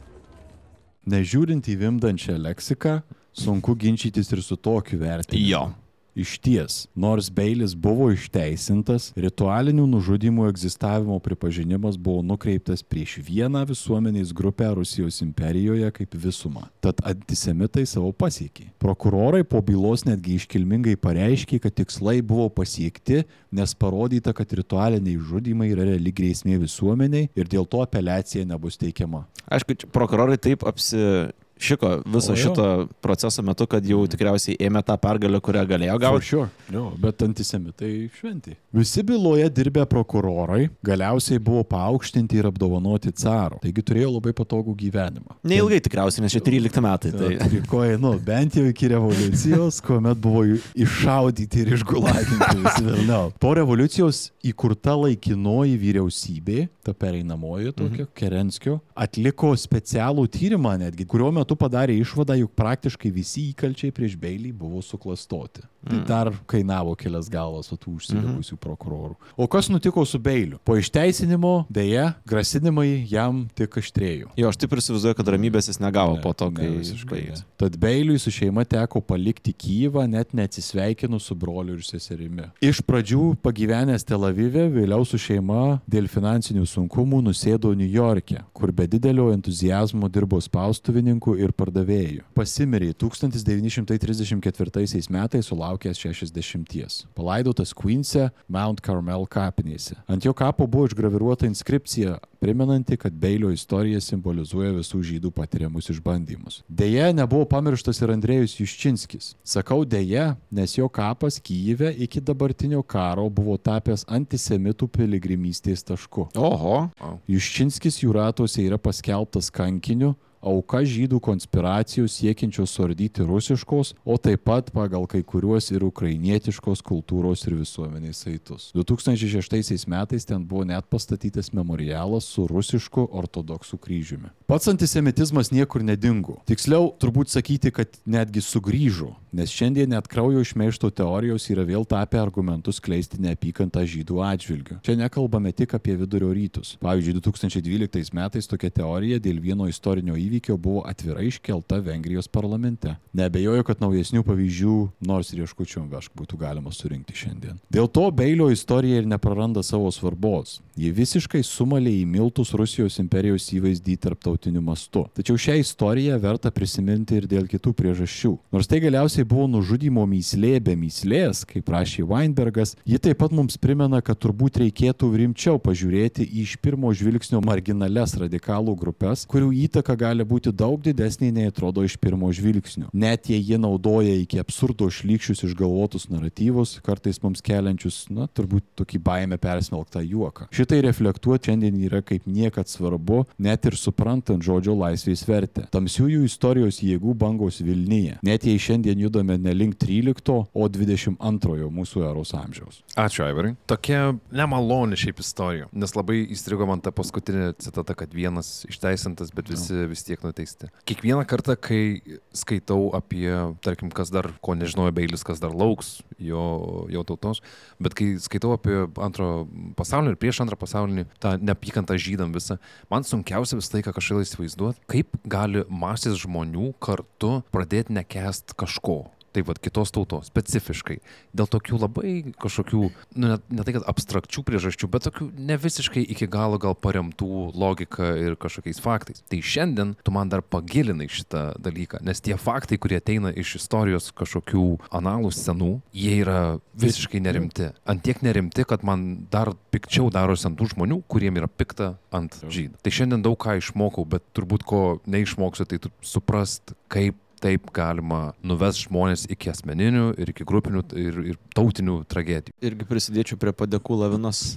Aivar, tau visiškai nebuvau girdėjęs apie, apie šitą istoriją. Labai e, įdomu sužinoti ir, ir pritarint tam, ką Polas sakė, bet ir iš kitos pusės pažiūrint, įdomu matyti, kad nepaisant to, kad šimtus metų yra tas nusteikimas prie žydus dėl labai tokių, na, apgalėtinų uh, priežasčių, bet matyti, kad net Rusijos imperijai galėjo būti teisminis procesas, kuris išteisino patį asmenį per plauką, bet vis tiek išteisino, vis tiek atsirado žmonių, žiniasklaidos ir norinčių ginti, nebuvo taip iš karto į vienus vartus nurašyta, kas įsivaizduočiau dar prieš šimtą, du šimtus metų net nebūtų buvę kaip, nežinau, neįtikimas kažkoks dalykas vertas iš viso teismo proceso. Tai viena vertus, jo, žiauriai šlykštų ir nepateisinama, kita vertus pradedi matyti tos daigelius kovos prieš šitą, šitą procesą. Čia aišku, ieškant visiškai silver lining vadinamo. vadinamo. Tai dėkui, į, į, įdomu susipažinti su taip netoli visai buvusią istoriją. Ir klausytai, negaliu pakankamai stipriai rekomenduoti paklausyti idėjų komposto, kuriame daugiau išgirsit apie vieną lietuvį aktyviai įstraukusi į šitą istoriją. Iš kur žinai? Žinau. buvo ateityje. Puikiai istorija, ačiū Aivarai, daug, daug įdomių naujų dalykų sužinojau. Piski paprieštrausiu gal e, Vėliui už yes. tai, kad man pasirodė, kad tas žmogus jis buvo išteisintas ne dėka teisingumo sistemos, bet nepaisant jos. Mm. Labiausiai strigo tas toks blogai už- nuskambęs, bet tikriausiai ne prie šito stalo rušiškumas šitos istorijos. Tas to, toj sistema, kaip jį funkcionavo, kad net sunku buvo pastebėti, kuriuom istorijos momentu jį nustojo būti apie tą berniuką nužudytą. Mhm. Visa antisemitizmo ilga tradicija, kaip jį raugėja ir kažkokius savo atgaršius atneša ekstremistinių grupuočių Rusijos imperijoje sukurtų aplink carą kontekste ir kad tai pagaliau intraukė visus žymiausius advokatus ir kažkodėl to, vat, nepamirškim, berniuko nužudyto teismo procese buvo šnekama apie kažkokį visai briedą, kažkokius ritualinius nusikaltimus kaip reiškinį apskritai. Vieno dalyko tik tai ne, ne, neišgirdau. Mhm, aš irgi. Tai ar siuvėja kalta ar ne? Kas, kas... Ne, šiandien yra iš esmės sutariama ir kad 95 procentai, kad e, Vera Čeberek yra atsakinga. Kaip netikėta. Taip. Kas Mhm. akivaizdu buvo, ar nežiūrint, bet uh, jo. Bet vat jie išlipo iš viso šitos istorijos sausa. Anyway, ačiū, kad klausėte. Prašom. Kolegos klausytojai, tikiuosi, kad buvo įdomu, na, pasižiūrėti galbūt bent iš tokios platesnės perspektyvos į tai, kokie tamsus dalykai iš tikrųjų verda mūsų visuomenė ir visuomenėse ir turbūt laukia akimirkos, kada galėtų išsiveršti iš jos. Kviečiu prisijungti prie mūsų kitą savaitę mūsų Contribui platformoje, kur pasidalinsime dar vieną istoriją susijusią su šia byla. Ir e, sekite mus Facebook'e, Instagram'e, Spotify, visur, kur klausot, beveik visur, kur klausote podcastų. A, Numeskit komentarą, Jo. galbūt tik dėl algoritmo irgi tinka. Jo, tinka, Irgi tinka. Visiškai tinka, gal kartais kokių netikslumų pastebėsit, kaip, nu, nepamirškite, ką šneka Lenkija. Ten tikras Mortal Kombat prasidėjęs dėl, dėl valdžios. Ir nežinau, turbūt susitiksime kitą kartą, jau prieš pat šventes tik tai. Iki? Sėkmės. Iki. Iki.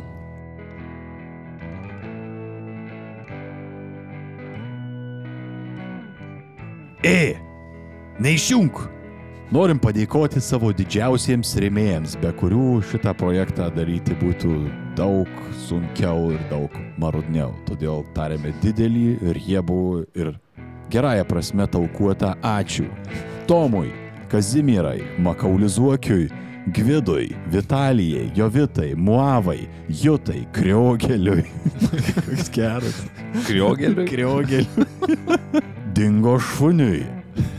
Nerastai. Laimonui, Rokui, Dariui, Ingridai, Jakui, Karinai, Andriui, Silvijai, Karštai Šaltienai, Gintariai, Sauliai Vincentai, Matusajui, Pauliui, Apanafkai, Jevai Liberty, Legolasui 5, Mėtai, Zapikankai, Gediminui Tučiui, Nedai, Simomonai, Orinimui, Ulai, Slederės, Simonai, Dietlovo meškutėms, Laurinui ir Godai, Selvinai, Laurai, Brisiaus priekiui, Ignui K, Airidui, Butkeliui, Aurimui, Gabrieliai Lai, Paulinai, dar vienam Tomui, Dionciui, Margaritai, Pijui, Mantui T, Mykolui, Tomui, Šiurpiai, Arnoldui, Žygimantui, Robertai, Linai, Mantui, Martynai, Vytautui, Kuzmikau, Tomaš, Justinui, Eimantui, sanitariniam hermetikui, Agniai, Arūnui K, Igniai, Reitanui, Donatui, Unicorn, Linui, Jonui, Vazoniniai beždžioniai. Dratiniam šepečiui, vietiniam, ei, šiauriauti, jeigu turi dar atributikos, parduok, Spartan the Beard, Viliui, Povilui, sūnui Palaidūnui, Jevai, Tomui, Saidai, Martynui, Sozi, Vitalijai, Justinai, komisijos policariatui, Mindlegui, Martynui, Evelinai, Rūteniui, Deimantai, Gabrieliai, Agatai, Medai Kotrynai, Arnui, Titui, Medai, Erikai, Emai, Salvijui, Mariui, Dimješkiui, Dijai, Vyteniui, Skrusdėlytei, Šarvuotam, Birutei, Bropniukui, kodėl, A, Žilvinui, Baronui Fonsolkenzo, All Caps, Retro, Lukui, Laurinui Šalytaus, Ramoniui Pievai, Rokui Lekai, Mykol Morui, Kamiliai, Tomui, Povilai, Vytautui, Martynui, Mariui, Ramūnui, Aneliai, Godai, chemijos gydytojai, Tomui, Evelinai, Gretai, Kristinai, Bobiui, Austėjai, Eglinui, interdimensiniam technobildukui, Navickų džiaugsmui, Egliai, Martynui, Pauliui, Daivai, Nedui, Tadui, Rokui, Tadui King, Brisiaus galui, Henkai, Ingridukui Almukso mamai,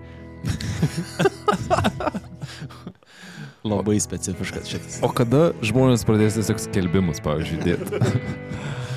Tai buvo video bank įsidėjęs, žinai. Ne, bet tokį, kur parduoda Opelės kon ir telefono numerį turi perskaityti. nesiūlyti. Taip pat kaloringas ir šiltas ačiū tariamas Gintautui, Edvardui, kas skaitys tas, žinot kas, Deimantui, Modestui, Agent Cooperui, kiek valandų? Niekas. Po 11.15. Ačiū. Behemoth on Ice, Andriui, Pauliui, kad Zilionkaitei, mano vardui Rytui, Gestinai, Laurinai, Jurgiui, Tomui, Tadui, Ryžam Gauram, Modilio, Gedrutei 13, Dario Inesai, Ignui, Elenai, Donatui, Marinai, Elvinai, Martynui, Dovilaizerui, Austėjai, Martynui, Jurgitai, Tomui, Pipinam Trumpajam, Horror Show, VG, Tomui, Beatai, Ulai, Žaibui, Martinai, Sigitai Agniai, Eimučiui, Laurai, Roy de Fume, Gabijai Andrui Martynui, Editai tai pačiai šlikščiam seniui. Yeah. Bei Irmantui, Pauliui, ananasinių vafliukų gurmanui, man labai gaila, Bohemai Ruoniui, Domantai, Nabagiai, Jovrui, Lui, Džiui, Šakočiui be šakų, Almuksui, Mantui Radžiūnui. Tai teks cenzuruoti šitą. Šikna šiknelė, šikniškai surišta, šikna šiknelė, šikniškai surišta, šikna šiknelė, šikniškai surišta, Lana Del Rey. Na, kažkas tikrai savo svają papasakojo tomo lūpomis. Dabar Kaip paprašyk. surišti šikną. Ei, paprašyk paspelint šitą dalyką. Žinai, kai reikia, e, kaip username, pavyzdžiui, suvest sėkmės. Orintai, Čiharai, Major Tomui, Juozui, Didui, Bybui, Špunpeliui, Rimantui, Badžiumbiškių kamienui, Vilmai, Aurimai, Kopūstiai, Martynui iš Raufos, Dianai, Tulpaitai, Liochai, Eiviliai, tai čia tavo mamai. Eiviliai, Neringai, Ugniai, Živiliai Jėvai, Eitvitui, Vargraščiui ir Klotui, Tautvydui, Žiedūniai, Arūniai, Katablankui su Katablankiukais, Peledžiukams, Liudai, Daivai, Marzazilui, Mantvydui, Eivydui, Emilijonai, Jėvai, Martinui, Godai, Dainvijui, Radzvilai, Giedriui, Erikai, Tomui, Mi Mičigo. Mičigo. Artūrui, būsimai Aivaro žmonai. A, vis dar. Vis dar. O kažkada bus gal jau Aivaro žmona. Arba, o po to buvusiai. Aš laukiu, kol bus Aivaro meilužiai. Duke Silver, Julijai, Ritai, Dainorai, Linui, Duonatui, Justinai, Kristinai, Benediktai, Mantūsui, Dovėliai, Mariui, Dariui, Egzybo, Laimonui, Vil, Pika, Būza, Bū, Birutei, Eimantui, Birutei. Na, prie visų birotių. Baronai, Arūniai, Povilui, Neringai, Nikštukų fabrikėliui, Vaidui, Ingridai, Viktorijai, Sum, Jevai, Gerdai, Laurinui, Rapului, Barškalui, Brigitai, Gretai, Renatai, Max Galingumui, MG, Migliai, Donatui, Tadui, Jo giliai Vaidotui, Vnirčikui, Mindugui, Kiprui. Ir skaitau e-mailus kažkada. O taip pat Kokteilis, kokteilis, kokteilis. kokteilis. gerųjų riebalų pilna, ačiū. Ir prašymą dar nepirkti eglučių, dar anksti. Siunčiame.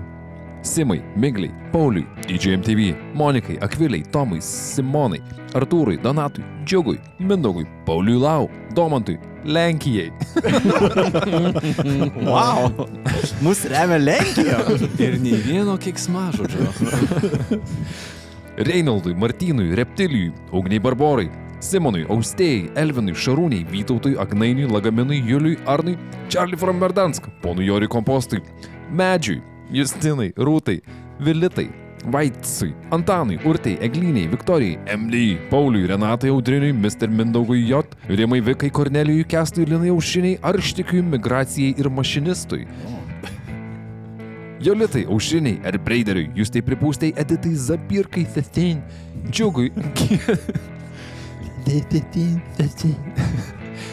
Giedrai, Sandrai, Šliaužytai, Karoliui, Maiklui Skotui, Kristinai, Indrai, Ingridai, Dariui, Daugelieniai, Tėvo Vamzdžiui, Juditai, Eimantui, Middleford, Gretai, Matui, Antropikui, Benai, Benui, Doviliai, Rekui, Deimoškinui, Linai, Gustai ir Mantui Ernestai, Gretai, Kristai, dviem metram be galvos, Ausies skausmui, Vaidotui, Deimantai, Pauliui, Audrai, Jūrijai, Melitai, Arūnui, Rūtai, Ryteniai, Ingai, Gretai, Silvijai, Robertui, Marijui, Rimai, Pauliui, Redai, Laimonui, Aglijai, Doviliai, Arnui, P. Mindaugui, Doviliai, Egliai, Meškiai, Donelaitai, Robertai, Augustai, Mikapūrui, Geruliai. Ah,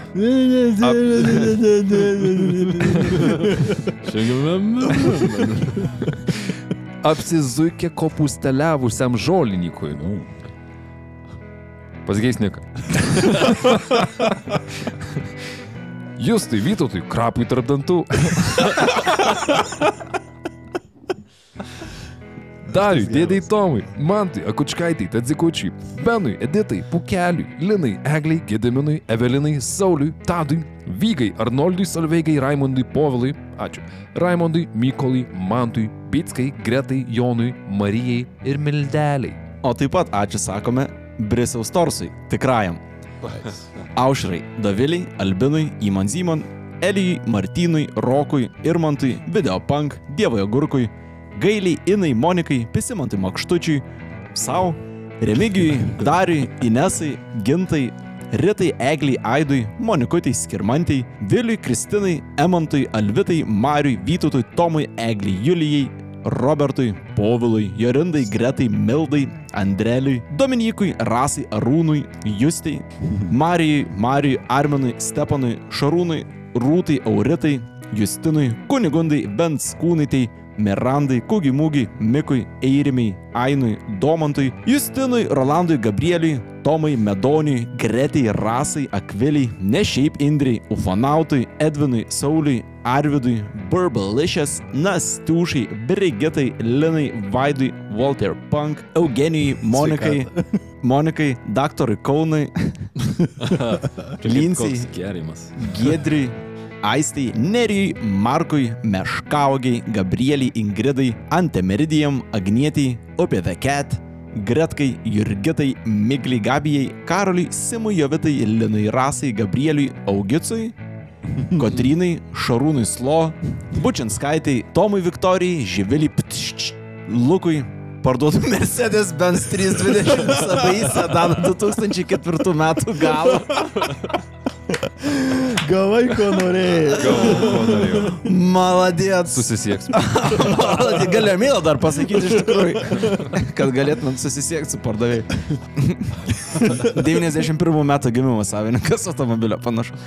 Sigitui, Justinai, Jurgitai, Tyliai Tyliai, Tomasino, Kubekui, Davidui, Erikai, Rasyti iš Braškučių lysvės, Paulaneriui, Tom, Benui, Eimantui, Kentauro klasioko broliui, Giedriai, Martynui, Kamiliai, Ananasinis Vaflius Giedris. Taip, ir Jis buvo ir mėgėjas. Žmog, taip. mėgės yra personifikacija ananasinio vaflio vardu Giedris. Tai jis. Ačiū tau. Mhm. Viltai, Vaidzei, Agniai, Gerdukai, Solveigai. Ačiū Braškutį, ačiū Simonai Dainiui, Mantui Gyčiui, Martynui, nu taigi Tomasgi, Andriui, Robertai, Kasijai, Neringai, žmogui, kuris įvedė savo mailą vietoj Niko. Simonai čia apie tave. Giedriui, Pauliui ir Juozui, kurio pavardė yra Nesakysiu. Vienas cielas brešius, jokių atliekamų dalių. Aha. Kažkaip pametėm dalis. O, arba persivadinai parduoda Mercedes Benz iš tikrųjų. Bet gal jau Mercedesui prisiaus galas. Proto pemza tai gmail.com kiek noriu už tą mašiną. iš tikrųjų. Ačiū. Ačiū. Dėkui.